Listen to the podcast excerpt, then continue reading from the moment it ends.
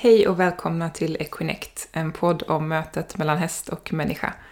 Jag som driver Equinect heter Susanna Davidsson och idag skulle jag vilja prata om personlig utveckling kopplat till några av de utbildningar jag har i bagaget och kopplat till vårt möte med hästarna såklart. Så innan jag började utbilda mig i hästars känslor och beteenden och kommunikation så utbildade jag mig inom detsamma med människor. Och som jag har nuddat vid i några poddar så hade jag en uppväxt, uppväxt som eh, lämnade en del övrigt att önska. Eh, en förälder som led av psykisk ohälsa och alkoholism och vilket medförde medberoende och mer psykisk ohälsa runt eh, oss i familjen. Och den största konsekvensen av det för mig eh, var väl först och främst att jag började sätta andra först. Att, att mina behov inte var viktiga. Och det har jag nuddat lite vid tidigare. Och också såklart fördelar med att bli duktig på att läsa av andra, läsa av stämningar, kunna pejla in. Eh, så. Men en annan konsekvens av det var att jag till stor del stängde av mina känslor för, för att slippa känna det där tunga eller mörka så, så stängde jag av. Och tyvärr är det så att man kan liksom inte bara stänga av en känsla. Utan stänger man av en känsla stänger man av känslorna. Så det gjorde såklart då att det blev ganska neutralt, det mesta. Det fanns inte så mycket livslust eller livskraft. Det var liksom lite så här, ja, det är okej. Okay. Det var inte så att jag tyckte att livet var dåligt, dåligt. Men det var heller inte så att jag tyckte livet var bra, bra. och fast det var så, så fanns det ändå delar hos mig som någonstans visste att livet kan vara på ett annat sätt. Att det inte behövde vara grått eller tungt eller neutralt ens. Jag frågade min häst Epona häromdagen vilken blodslinje jag tillhör. Och som vissa av er säkert då redan har läst så svarade hon att jag tillhör blodslinjen mod, precis som hon gör. Alltså den grupp som står för vem de är och sitt budskap. Som inte backar, som, eh, eh som kan stå stadigt i det de tror på, eh, oavsett om det blåser runt om dem. Och det är ingenting jag hade insett själv, men jag kan nog ändå se det när jag ser på mitt liv att det har funnits en eld där. En eld som har fört mig vidare framåt. Och i det också då en önskan om att hela tiden förstå mer, veta mer, leva mer. Jag vet när jag var på en av mina första resor till Bali, där jag spenderade vintrarna några år i rad för en ja, sex, sju år sedan. Inför att jag skulle åka dit första gången så visste jag ju att ja, men här, här kommer det hända mycket saker på ett energimässigt eller andligt plan. Och hur som helst så drömde jag eh, att jag var som en, eh, jag var en människa som höll på att förvandlas till en zombie. Eh, så känslan i drömmen var att jag så här, jag ville så hoppa ur mitt eget skal, jag ville så bara, åh, det var liksom för litet, det fick inte plats, det var liksom bara, uh, den där känslan. För jag var också då på en plats i livet där jag kände mig ganska fången. Så träffade jag en yogalärare och guide, guru där som jag började lära mig av och så satt vi och pratade en dag och så sa jag att um, I wanna break free. och så skrattade hon. Och så sa hon eh, It will be a breaking for sure. Most people want to be free, but they don't want to break. But to be free, you need to break. Jag tänker på det när Pona sa, sa det där modet, att, att någonstans vara medveten om att ja, det är saker som kommer dö i den här processen av transformation. Men för att jag ska leva livet fullt ut så behöver jag stå ut med det. Så med det sagt så har jag sökt. Jag har sökt i den traditionella världen och jag har sökt i den andliga världen.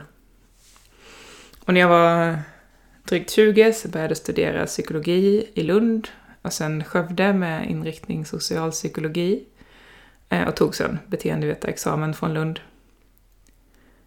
Och det var intressanta år. Eh, det var mycket teorier som förklarade mycket. Men det var samtidigt väldigt lite praktiskt konkret som kunde hjälpa mig eller andra som jag lärde mig där. Så det var först några år senare när jag läste en eh, årslång coachutbildning för, för eh, Bob Proctor som bland annat har varit med i The Secret och som också utbildat Johannes Hansen, som för övrigt är en husgud här. Som jag förstod hur jag funkade och därmed hur andra funkade och framförallt hur jag kunde förändras själv och hur jag kunde guida andra att förändras. Så i dagens avsnitt så vill jag ge en inblick i det som sen blev den boken som jag skrivit, eh, som heter Tänk dig fri.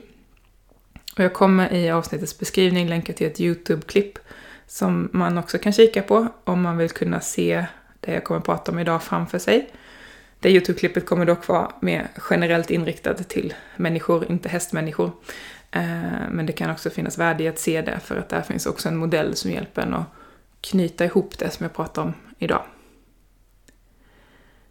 Så, jag vill då dela med mig av den förklaringsmodellen som jag använde i Tänk dig fri för att förstå människor och hur vi förändras. Så förutsatt att du inte kör bil just nu eller gör någonting annat som kräver ditt visuella sinne så skulle jag vilja att du sluter dina ögon lite kort. Bara blunda lite. Och samtidigt som du blundar så vill jag att du tänker på hästen som du träffade senast. Eller hästarna om de var flera. Sen vill jag att du tänker på strumporna som du har på dig. Sen vill jag att du tänker på din ytterdörr hemma och ifall handtaget där sitter på höger eller vänster sida av dörren. Och sen slutligen så vill jag att du tänker på ditt sinne. Alltså på dina tankar och dina känslor.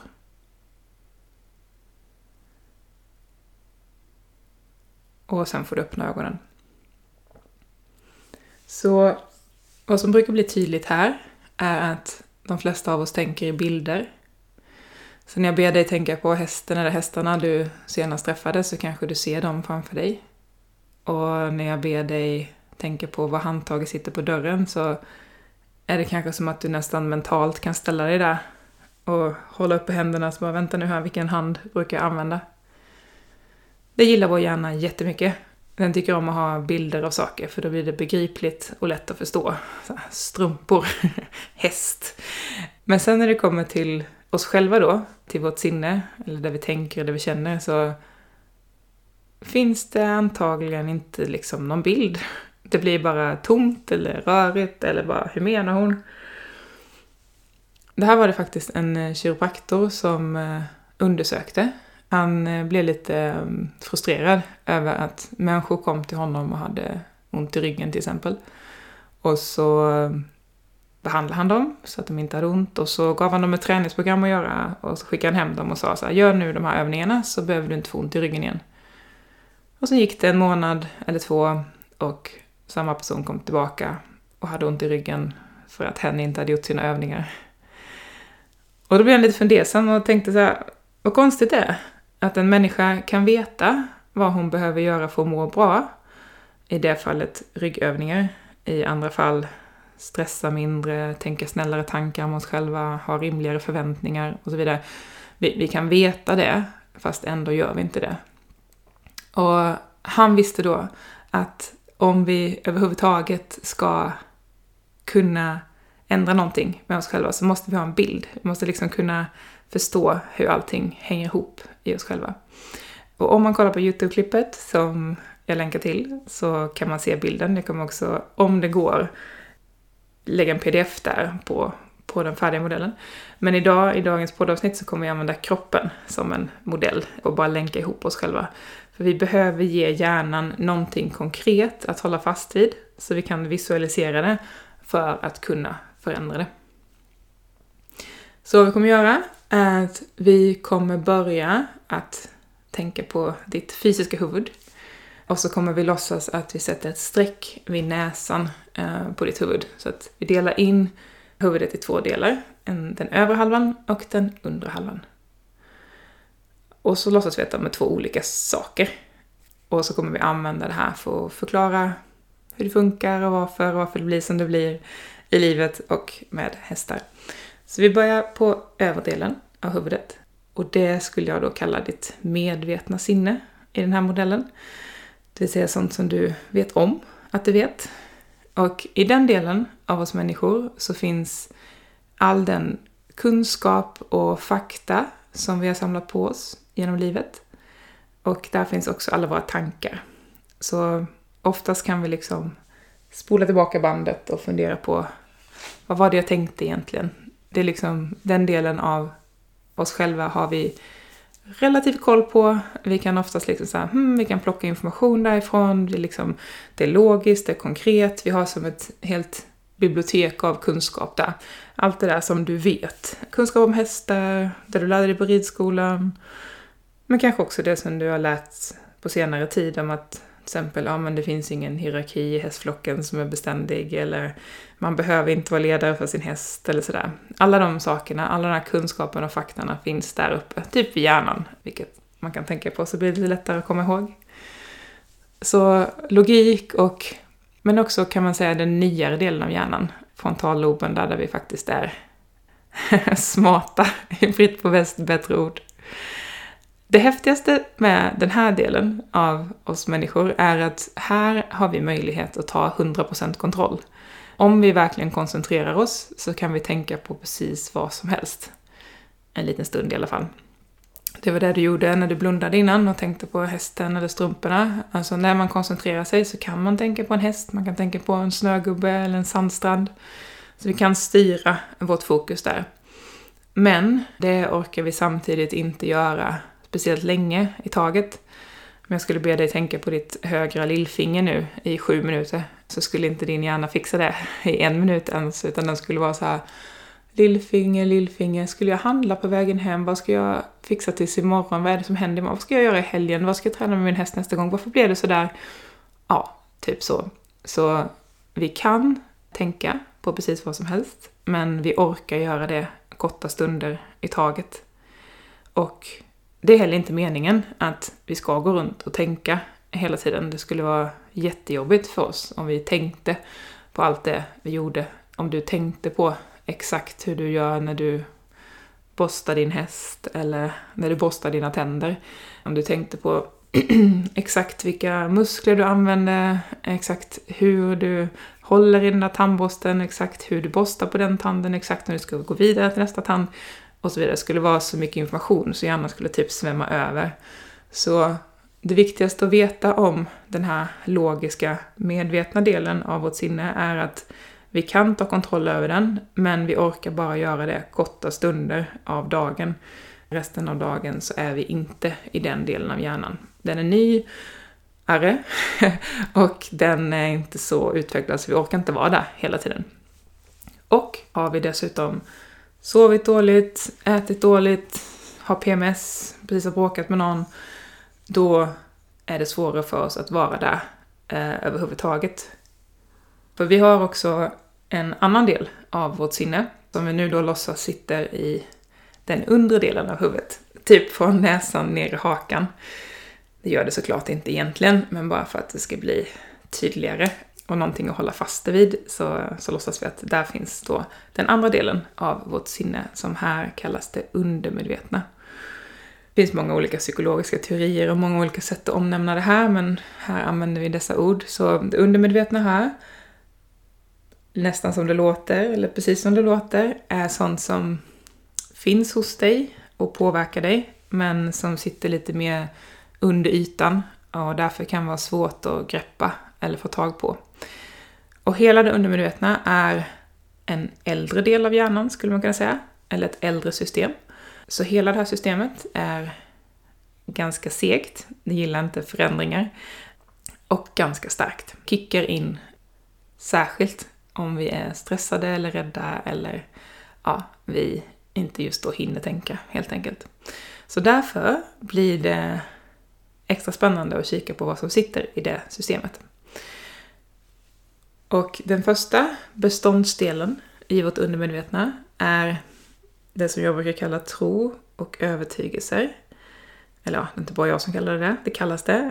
Och övertygelser har vi inom allt möjligt. Vi har politiska övertygelser, religiösa övertygelser, vi har övertygelser kring hur man bäst tränar en häst, eh, hur man bäst håller en häst och så vidare. Eh, till också, ja, om det är bäst att bo på landet eller i stan, om katter eller hundar är det bästa husdjuret, om positiv eller negativ förstärkning är den bästa träningsmetoden. Vi har övertygelse om mycket.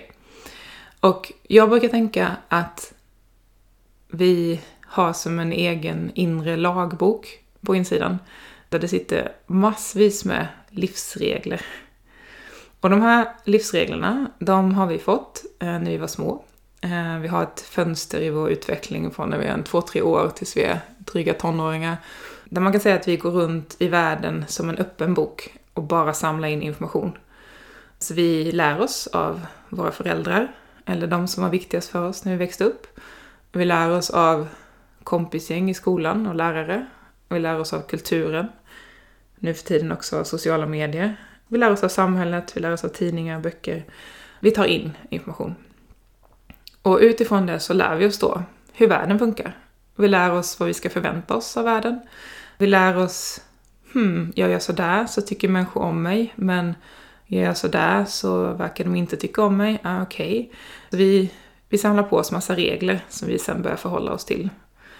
Och framförallt så samlar vi på oss massa regler om oss själva och vad vi kan förvänta oss av andra och vad vi borde leva upp till för att vara en godkänd människa. Och det är viktigt. Vi behöver lära oss massa saker i den åldern.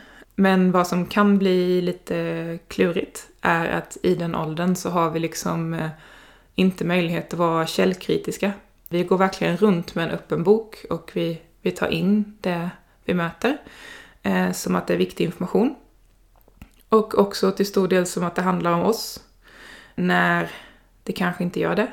Så ibland kan det räcka att en enda person säger att eh, det där är verkligen inte din grej. Typ, du är verkligen inte haj på det här med matte. Eller du kommer aldrig lyckas med hästar. För att vi ska höra den rösten på insidan sen. I jättemånga situationer och kanske inte ens testa. Så den här lagboken, den kommer styra vårt sunda förnuft. Eh, den kommer styra våra förväntningar och den kommer på så sätt också styra vad vi är med om i livet. För vi kommer undvika vissa situationer på grund av den. Eh, vi kommer ehm, ha vissa känslor på grund av den och så vidare. Och då är det i lagboken, eller övertygelserna, som våra begränsningar sätter sig, kan man säga. Vi kommer komma in på det mer strax, men, men kortfattat att om vi innerst inne har fått för oss att vi inte är en tillräckligt bra människa för vår häst, eh, eller vi aldrig kommer lyckas med det där, för att vi någon gång då har varit med om att någon kanske har retat oss eller sagt något eller vi har tolkat något på ett visst sätt så spelar det tyvärr inte så stor roll hur mycket vi rent logiskt kunskapsfaktamässigt där uppe i övre delen av huvudet tror. För det är lagboken som kommer vinna. Och tyvärr är det också så att vi är oftast sjukt mycket hårdare mot oss själva än vi skulle vara mot andra människor vi älskar. Lagboken här styr i sin tur den här inre rösten vi har som hela tiden berättar för oss, eh, kommenterar eller värderar det vi gör. Och det blir ganska absurt om vi tänker att vi skulle ta den rösten eller de förväntningarna vi har på oss själva inne i vår lagbok, rycka ur det ur hjärtat och ge det till vår bästa vän och säga du, nu måste du banne mig leva upp till allt detta för annars slutar jag älska dig, slutar jag respekterar dig. Men vi gör det mot oss själva hela tiden. Och en del av lagboken har med oss själva att göra. Då är vi inne på självbild. Det vill säga hur du ser på dig själv och hur du tror att andra ser på dig. Och självbilden är lite lurig för den lägger sig ofta som ett filter emellan det, du, det som händer eh, och det du tror händer. Så om det sitter i ditt filter att du inte räcker till inom ett visst område, vilket de flesta av oss har fått för oss, och någon säger något fint till dig som eh, komplimang eller någon fin feedback, i så fall kommer det här filtret tyvärr inte släppa igenom det vackra, utan det kommer filtrera bort det. Och så kommer du tänka, ja men så, så sa den personen bara för att vara snäll. Eller, ja men den försökte bara skapa lite god stämning här, det hade nog egentligen inte med mig att göra. Utifrån allt det jag har berättat hittills så blir självbilden nästan som en målsökande missil som utan att vi menade eller är medvetna om det börjar leta upp mer av det vi trodde från början. Tänker mig att någon av er, eller alla av er kanske har varit med om att man bestämmer sig för att köpa en viss grej. Nu tänker jag innan, innan telefonerna börjar lyssna på oss, men om man tänker att man skulle köpa en viss sak eller rida eller resa någonstans och så helt plötsligt så upptäcker man fler artiklar om just den saken eller man hör fler människor prata om det eller man funderar på att köpa en viss sadel eller en viss bil och så ser man helt plötsligt sådana överallt eller man funderar på att skaffa barn och ser helt plötsligt barnvagnar överallt.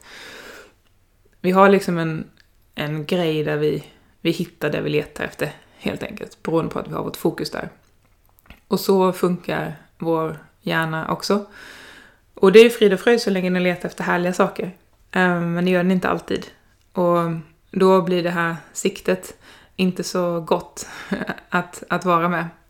Och kan tyvärr göra att vi, vi tolkar situationer till, till vår nackdel. De, de flesta situationer är så pass neutrala så att vi skulle kunna tolka dem som bevis för att vi räckte till eller bevis för att vi inte räckte till. Har vi då kommit in i en viss loop kring relationen med vår häst exempelvis, börjat se vissa saker, börjat ställa in siktet omedvetet på vissa saker, kommer vi tyvärr hitta mer av det Ungefär som när man har en dålig dag, vaknar redan på morgonen, allt är kast. Risken är ganska stor att vi fortsätter lägga märke till det som är dåligt den dagen och det fortsätter vara en kastdag, helt enkelt.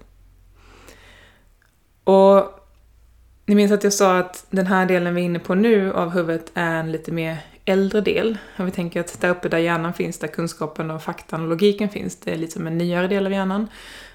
det här är en äldre del av hjärnan. Och på grund av att det är en äldre del ursäkta, en äldre del av hjärnan, så är den också ganska seg och konservativ och vill inte förändras. Genom evolutionen så har det varit en dålig grej för oss att ändra oss eller testa på nya saker. Eh, Tänk när vi bodde i grottor eller levde på savannen och så helt plötsligt så växte det en ny växt någonstans och någon testade att äta den och det visade sig vara giftig och typ alla dog. Förändring har liksom i människans utveckling inte varit sådär jättesmidigt. Så det finns ett motstånd mot förändring i den här delen av oss, vilket tyvärr gör att om vårt sikte, eller vår självbild här då i det här fallet, är inställt på någonting som inte får oss att må bra, tänk exempelvis en kvinna som söker sig till destruktiva relationer, det finns ju delar av en som då inser att det här inte är bra för en, men det är ändå tryggt. Det är ändå hemma. Det är ändå där man vet hur världen funkar. Och det är i sig en dragningskraft. Så tyvärr är det inte så att bara för att man mår dåligt över någonting så kommer man automatiskt söka sig till någonting annat, utan det finns också en dragningskraft i det man känner till. Det är överlag så att vi upprepar väldigt mycket av det vi gjorde igår, idag. Olika studier säger olika saker, men mellan 70 och 95 procent av gårdagens tankar upprepas idag. Och det gäller ju också såklart tankarna om oss själva. Så det här är också någonting att veta om och vara uppmärksam på, exempelvis i mötet med hästen. Vad är det jag siktar in mig på? Vad är det jag letar efter? Vad är det för tankar jag repeterar om mig själv? Hur låter min inre röst när jag är, är runt hästen? Kan jag styra om den? Om vi kommer till det. Till vår hjälp, eller hjälp, har vi en annan del eh, som också sitter här i det undermedvetna. Vi är fortfarande i hakan på huvudet, typ. Och minnen, eh, jag kanske inte sa det, men det är minnen i alla fall. och mm, det vi minns är inte alltid någonting som vi borde lita på. Det har visat sig att vi gör om minnen i efterhand. Vi plockar bort information, vi lägger till information utifrån det vi tror nu. Vissa saker som inte stämmer överens med självbilden eller lagboken kommer vi kanske inte ens komma ihåg. Och igen, eh, evolutionärt genetiskt så har det varit viktigare för människan att minnas dåliga saker. Det har varit viktigare för oss att komma ihåg att eh, lejonen bor där borta, eh, än att komma ihåg att här kan jag plocka hallon. Så därför har vi större utrymme i hjärnan kan man säga för negativa minnen. När någonting dåligt hände så är hjärnan som kardborre och det fastnar direkt. Eh, och när någonting positivt händer så är hjärnan som teflon och det glider undan. Så forskning visar att vi kan älta ett minne ungefär 600 gånger på ett dygn. Och då är det ju inte de härliga minnena, utan då är det ju när vi gjorde bort oss, vi råkade såra någon, vi inte betedde oss bra mot vår häst, helt enkelt. Eh, och tyvärr då, på grund av att vi repeterar just det minnet, eller den tanken, och den dessutom fastnade direkt ändå, så blir ju tillbakablicken in i vårt minnesarkiv som att vi väldigt sällan lyckas. Så också ju mer laddning det finns i minnena, eh, ju, ju större känsla det knyter till, desto mer minns vi det. Så också någonting att veta om, att bara för att vi minns det på ett visst sätt så betyder det inte att vi borde lita på det. Och där kan man också ta till lite tricks. Ni kanske vet om att många skriver tacksamhetsdagböcker. Det är ett sätt. Eller till exempel berätta varje kväll eh, för sin partner eller en vän om vad man är tacksam för. Personligen, och en övning i Tänk dig fri, är att eh, skapa en dagbok av goda minnen. Eh, jag hade i min lagbok tidigare att jag inte kunde det här med hästar och att jag absolut inte kunde bidra med någonting när det gäller hästar ja, jag kanske kan det här med människor någorlunda, för det hade jag gjort ett tag då och kände mig trygg med. Men när jag skulle styra om till hästverksamhet så, så satt det i ryggmärgen på mig att det där kan inte jag.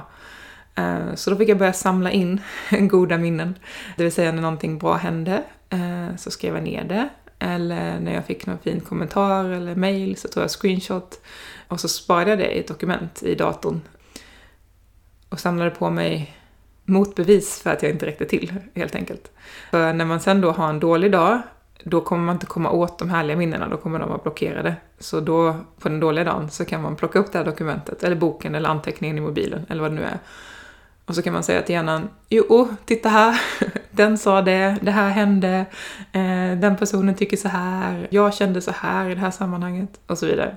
Alltså ett sätt att eh, bevisa sig själv när man har en, eh, när man har en kastdag.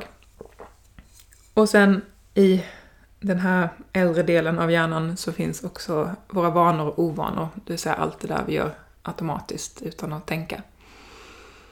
Och med utgångspunkt i det här, utifrån vad som finns i vår lagbok, i vår självbild, i våra minnen och i det vi gör, så bildas vissa känslor hos oss. Så mm, känslorna vi får kommer liksom inte ur tomma intet, utan de kommer som ett resultat av vad som finns i det här systemet.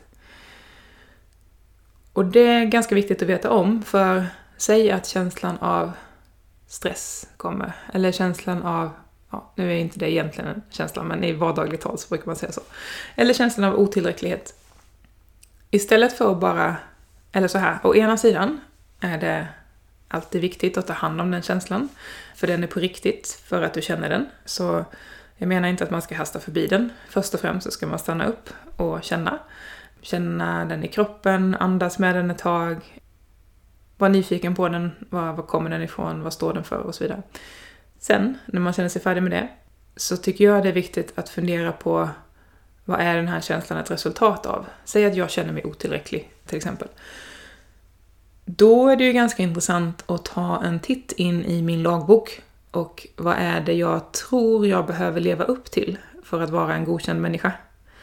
Och steg två då, är det rimligt och mänskligt att förvänta sig det som min lagbok säger? Hade jag krävt samma av min bästa vän? Hade jag skällt på min bästa vän på samma sätt som jag skäller på mig själv för att jag inte hann med det här och det här? Eller inte levererade så här och här? Eller inte var perfekt på det här och det här sättet? Så jobbiga känslor eh, och härliga känslor är knutna till eh, vad som sitter i eh, det här systemet. Och hela det här systemet av vår gamla hjärna, kan vi säga, är något som jag brukar referera till som din programmering. Det här är liksom som din autopilot, kan man säga, eh, som tar över så fort du inte tänker.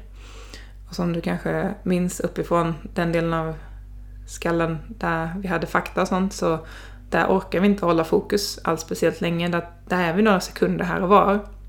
Så resten av dagen kan man säga att vi är som robotar som är programmerade till att tänka på ett visst sätt, känna på ett visst sätt, bete oss på ett visst sätt. Och dessutom är det så då att det undermedvetna är ett system eh, som vi inte har kontroll över. Där uppe där hjärnan sitter, där vi har fakta och sånt, där har vi 100% kontroll. I det undermedvetna eh, har vi 0% kontroll. Vi har i alla fall ingen direktkontroll. Det betyder inte att man inte kan ändras. Man kan ändras genom terapi och coaching och genom arbete med sig själv. Eh, men vi har ingen liksom direktfokus. Vi kan inte byta programmering så som vi kan byta tanke uppe vid hjärnan. Liksom. Där kan vi bara tänka häst, eh, handtag. Eh, men, men i det undermedvetna går det långsammare. Så man skulle kunna dela upp igen då att mm, lite förenklat, det finns två, två delar av, av oss. Det finns det vi vet, som sitter vid hjärnan typ. Där är kunskapen och faktan och allt det där. Men sen finns det då det vi gör, som kommer från det här undermedvetna systemet av lagboken och självbilden och minnena vi kommer ihåg och det vi faktiskt gör, känslorna vi har. Så vad vi kommer till är att, att veta någonting och att göra någonting är två helt olika saker. Kommer från två olika ställen i hjärnan, kan man säga. Så bara för att jag vet att jag inte ska fastna vid telefonen på kvällen, så betyder inte det att jag inte gör det. Bara för att du vet eh, att eh, du inte ska bli arg på din häst, eh, så betyder det inte att du inte blir det. Bara för att du vet att det inte är produktivt att X, Y, Z, så betyder det inte att det är så det blir. Och det här är inte för att det är fel på dig, eller för att du har dålig viljestyrka, eller för att du är en dålig människa. Utan det här är för att det är så hjärnan funkar. Det är så människor funkar. Så fakta och kunskap är all ära, men när det blir lite stressigt eller lite pressat så blir det som att den här nyare delen av hjärnan där kunskapen sitter suddas ut och så hoppar vi ner i det undermedvetna. För det undermedvetna är mer som vår eh, instinkt, skulle man kunna säga. Det är mer det där som sitter i ryggraden. Och då är vi inte alltid så smarta. För då är vi mer styrda av känslor. Inte för att inte känslor är intelligent, det kan vara det, men det kan också inte vara det. Vi styrs av mönster, styrs av historik, vi styrs av våra filter. Så. Och det här tyckte jag var jätteskönt att få lära mig. Alltså, aha, det är inte jag som är knäpp, som gör tvärt ibland vad jag vet att jag borde göra. Utan det är så här vi är. Och med det sagt då, eftersom det undermedvetna, den här lite äldre delen av hjärnan, är det som styr oss, kanske 95% av dagen, så är det också sjukt viktigt att vi har ett eh, undermedvetet som är schysst. Som eh, får oss att tänka snälla tankar och uppleva snälla känslor. Som stöttar oss och som tar oss dit vi vill. Och nu har det varit sjukt mycket fakta, så jag ska bara lite kort ta oss igenom följande delar av den här modellen. Eh, så ser vi, ni får lyssna i sjok om det blir för mycket. Nu har vi liksom gått igenom huvudet kan man säga. Vi delade upp huvudet i två delar. Så faktan och eh, programmeringen. Så. Och nu har vi då kommit till sista delen av oss själva, kroppen. Och när vi tittar på en vanlig människokropp så är ju vårt huvud litet i förhållande till kroppen. Men när man tänker på sig själv utifrån hur vi hänger ihop med vem, vem, vad av oss som styr vad, eh, så kan man istället vända på det och tänka att ens huvud bör vara jättestort och kroppen väldigt litet. Så om man skulle kolla på det där YouTube-klippet så skulle man se att i den modellen jag använde i Tänk dig fri så är ens huvud jättestort och kroppen jätteliten. Och anledningen till det är att kroppen gör egentligen mest bara det som vi indirekt ber den om att göra. Att jag sitter här och använder min röst till exempel för att berätta vissa ord för er är ju inte för att mina stämband fattar några egna beslut, utan för att jag bestämmer mig för uppe i skallen att eh, nu ska jag säga det här och så eh, skapar min röst det. Så mycket av det som kroppen gör eh, kommer bara som ett resultat av eh, vår programmering eh, eller det vi tänker att vi ska göra precis just då. Därför kan man säga att kroppen är inte lika viktig när det gäller att förstå varför det blir som det blir i vårt liv. Men samtidigt är det ju så att om jag har haft en dålig dag, jag har sovit för lite eller ätit för lite eller har bråkat med någon och så går jag ut och ska möta min häst. Då blir det liksom ehm, en viss stämning i det mötet. Det är ju igen då inte för att min kropp har något eget medvetande och bestämmer sig för att vara spänd eller ha en viss hållning eller eh, andas på ett visst sätt och så vidare. Utan det hänger ihop och blir ett resultat av exempelvis vad som pågår i programmeringen och känslomässigt. Så ganska ofta så pratar man om att göra kroppsliga förändringar, typ, typ nyårslöftesförändringar. Så här, men jag ska, jag ska sluta med socker, jag ska börja träna sig och så. Men också, jag ska aldrig mer tappa tålamodet på min häst, eller mitt barn eller min partner. Och den typen av önskningar är ju viktiga. Problemet med dem är att de håller bara så länge vi kommer ihåg att tänka på dem. För kroppen har liksom inget eget medvetande på det sättet.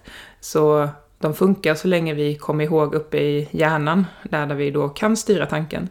Eh, så länge vi kommer ihåg dem där så funkar de. Men så fort det kommer en period som är lite stressig eller vi inte orkar tänka efter, då kommer vi ramla tillbaka ner i våra mönster och programmeringen eh, och börja göra som vi brukar göra.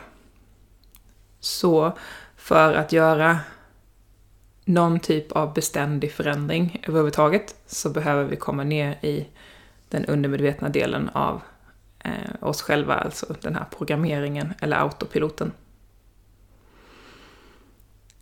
Och då kan man ju fundera på hur man ändrar den delen av sig själv.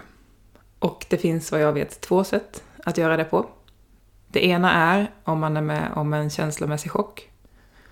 Man är med om någonting som är så stort och så dramatiskt att man skakas om i sin grund. Någon drar undan mattan under fötterna på en, heter det så. Det kan vara att man får ett allvarligt sjukdomsbesked. Det kan vara att någon närstående går bort. Det kan vara positivt också, att man blir förälskad eller förälder. Men gemensamt för den typen av förändring är att det är någonting yttre som händer. Det är alltså inte du själv som bestämmer att nu ska jag förändras. Och det är heller inte du själv som bestämmer att exakt sån här ska jag bli, utan det liksom bara blir så. Så den typen av förändring kan vi av förklarliga skäl inte jobba med medvetet eh, eller i, i självutveckling. Utan eh, händer det så händer det och då är det så, Eh, men det är inget vi styr över. Så vad vi kan jobba med, och vad vi jobbar med i Tänk dig fri exempelvis, är det andra sättet att förändras på, vilket är repetition. Att medvetet nöta in det vi vill ska sitta i vår programmering. För grejen är att det är så vi är formade från första början. Att vi är som vi är och tror på det vi tror på och tänker det vi tänker är ett resultat av att vi om och om igen har hört någon berätta om det, eller vi har exponerats för det, eller vi har studerat någon som gör så, och så lär vi oss successivt. Aha, okej, okay, så här funkar världen, så här borde jag bete mig, mm, det här kan jag förvänta mig. Så man skulle kunna säga att vi alla går runt och är hjärntvättade av det vi varit med om. Eh, igen, vilket är frid och fröjd så länge det är saker vi trivs med och som får oss att må bra. Eh, men sannolikt så finns det både och i, i det vi upplever. Det finns sånt som vi skulle välja att ha kvar i vår programmering om vi fick välja och det finns sånt som vi skulle gynnas av att skriva om eller rycka ur den där lagboken. Och eh, då behöver man alltså komma åt något sätt att programmera om sig själv. Eh, och Tänk dig fri är ett sånt sätt. Eh, det finns många olika böcker i den här genren. Och eh, man skulle kunna säga att det blir en, eh, ja, Tänk dig fri och, och vissa liknande böcker skulle man kunna säga blir som en medveten hjärntvätt från dig själv till dig själv, eh, där du får en chans att, att sätta in där, eh, där du vill ha eh, i ditt system, ursäkta, eh, istället för att kanske mamma, pappa, släktingar, skola, kompisgäng, kulturen, sociala medier har programmerat dig. Så i Tänk dig fri som är en fysisk bok, eh, men som man också kan köpa som e-bok, så finns det kapitel där vi kapitel för kapitel går igenom de olika aspekterna av dig eh, och de här olika beståndsdelarna som vi har pratat om idag. Så det finns texter att läsa eller lyssna på, allt är inläst som ljudfil. Och i slutet av varje kapitel så finns det oftast skrivövningar att reflektera kring. Det finns ljudfiler att lyssna på som ibland är avslappningsövningar, ibland meditationer, ibland visualiseringsövningar. Och Tänk dig fri är skrivet generellt, alltså den är inte inriktad på hästar, utan den är om livet. Så frågorna är väldigt öppna. Sen kan man använda dem till att undersöka relationer med sin häst, men lika gärna relationer med sin partner eller hur det funkar på jobbet eller ja, vad som egentligen. Så när man går igenom den, vilket man kan göra antingen på egen hand utan mig eller med mig som handledare, så får man till slut som en manual över sig själv, skulle man kunna säga. En handbok som förklarar varför man funkar som man funkar. Och framförallt då med verktyg eh, till att förändra det man skulle vilja förändra. Så, om man nu har lyssnat så här långt, så tack. Ehm, vill man läsa Tänk dig fri så går den att köpa på min hemsida. Och hemsidan där är tänkdigfri.se med prickar. Och fyller man i formuläret där så kostar den 500, den fysiska boken. Men lyssnar man här så kan man skriva som meddelande podden eh, och istället betala 400 för den fysiska boken. Och sen tänker jag också, jag brukar inte sälja e-boken, men jag eh, tänker jag gör det, så den står inte med där. Men om man vill köpa e-boken, eh, alltså man får en, en pdf plus ljudfilerna, för de får man alltid med, så kostar det 200. Och då kan man också använda samma formulär som också finns på tänktefri.se och då skriver man e-bok i meddelande. Så får man den. Ni som har gått eh, kurser här behöver inte göra det, eh, utan där tänker jag att jag ge er e-boken som en liten gåva i våra Facebookgrupper. Så, så den kommer dyka upp där. Och sen är vi ändå inne på rabatter så har jag också gjort en webbkurs som heter Hästen och du som utgår ifrån Tänk dig fri och som är anpassad till hästeriet. Eh, så det är samma moduler kan man säga, som samma kapitel som är Tänk dig fri men, men eh, som pratar, eller där vi pratar dels om dig men också om hästen. Den kostar i vanliga fall eh, 1200. Eh, och där kommer jag också lägga in en rabattkod, podden. Eh, så man får 300 kronors rabatt på den. Och då tänker jag att jag också slänger in en rabattkod på Hör din häst som handlar om djurkommunikation. Det kostar 600, 1600 i vanliga fall och där slänger jag också in rabattkoden podden så får man 300 kronors rabatt på den om man skulle vilja. Eller om man skulle vilja önska den önska sig den i julklapp. Tack så jättemycket för att ni lyssnar. Gillar ni podden så hjälper det spridningen av podden jättemycket om man skulle vilja gå in och ratea den med så många stjärnor man vill ge den. Alternativt om man vill dela den i sociala medier. Tack, tack!